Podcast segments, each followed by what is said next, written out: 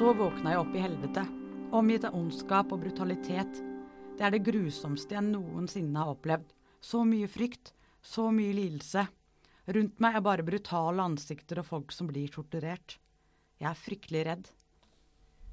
Slik beskriver en kvinne i 50-årene hvordan det var å ha postoperativt delirium. Pasientene opplever gjerne å miste begrepet om tid og sted og situasjonen. Altså de blir desorienterte. Det sier Bjørn Erik Næland, førsteforfatter av en artikkel om delirium hos eldre pasienter. En del opplever skremmende hallusinasjoner og vrangforestillinger som gjør både dem og de rundt redde.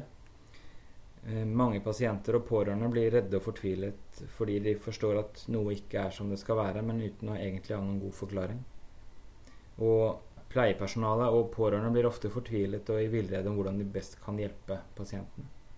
Opp mot 40% av eldre pasienter som legges inn akutt i sykehus, har delirium. Tilstanden rammer rundt 50% av alle pasienter med hoftebrudd, og i intensivavdelinger kan forekomsten være over 70% blant pasienter over 65 år. Likevel er det trolig en underdiagnostisert og underbehandlet tilstand. Vi tror nok at de fleste leger har møtt pasienter med delirium, men tilstanden har kanskje blitt mistolket som f.eks. demens eller depresjon eller til og med som normal aldring. Delirium har også seilt under andre navn. Eh, akutt forvirring brukes, akutt konfusjon, intensiv psykose. Men vi tror nok at kunnskapen om delirium er mangelfull i mange kliniske miljøer. Oppmerksomhet om tilstanden og, og litt kjennskap til kognitiv vurdering vil nok gjøre at flere pasienter blir identifisert og behandlet. Selv om skrøpelige eldre er de som er mest utsatt, så kan også yngre og mer robuste personer rammes av delirium dersom den utløsende belastningen blir stor nok. F.eks. etter større operasjoner eller ved alvorlige infeksjoner. Det er også gjerne de som blir helt passive og stille og søvnige, de som har hypoaktivt delirium, som ofte overses. Det er en kompleks tilstand å identifisere. Den arter seg forskjellig fra pasient til pasient, og kan komme akutt eller over tid. Det er også sånn at Tilstanden har en tendens til å veksle gjennom døgnet, og pasienten har ofte søvnmangel. Noe av det vesentlige er at eh, personen er endret mentalt i forhold til vanlig, og at tilstanden kommer raskt, utvikler seg fra timer til få dager. Pasientene kan ofte være vanskelig å få adekvat kontakt med, en pasient som har hyperaktivt delirium, er gjerne motorisk urolig og kan være utagerende og motsette seg undersøkelse og behandling. Mens pasienter med hypoaktivt delirium gjerne er veldig stille, døsige og sover mye og gir liten verbal respons.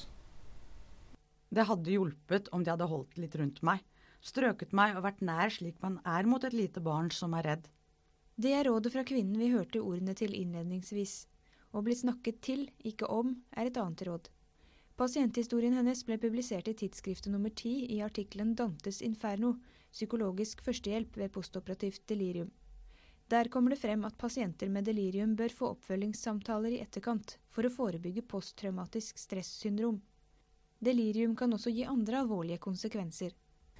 Ja, den innebærer jo mye personlig lidelse for pasienten og de rundt.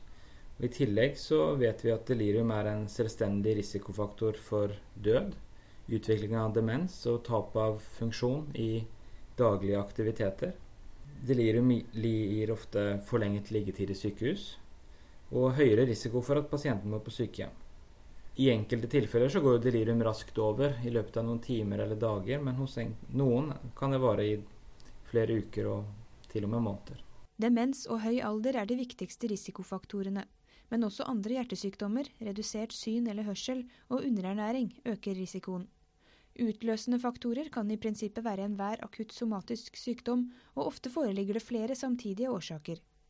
De vanligste er infeksjoner, hjerteinfarkt, brudd og traumer. Ved å kjenne årsaken kan delirium både forebygges og behandles. Det viktigste er nok å identifisere pasientene som har for høyt risiko. Og da er det ikke-medikamentelle tiltak som er viktigst for å forebygge. Forebyggingen er sånn, sånn sett tverrfaglig og inkluderer bl.a. tidlig mobilisering og aktivisering av pasientene. Videre er det viktig med optimalisering av fysiologiske avvik. Det kan være at de er dehydrerte, har hypoksi eller anemi. og å gi dem god smertelindring og, og god søvnhygiene. Når diagnosen delirium er stilt, er det viktig å behandle de underliggende årsakene raskt.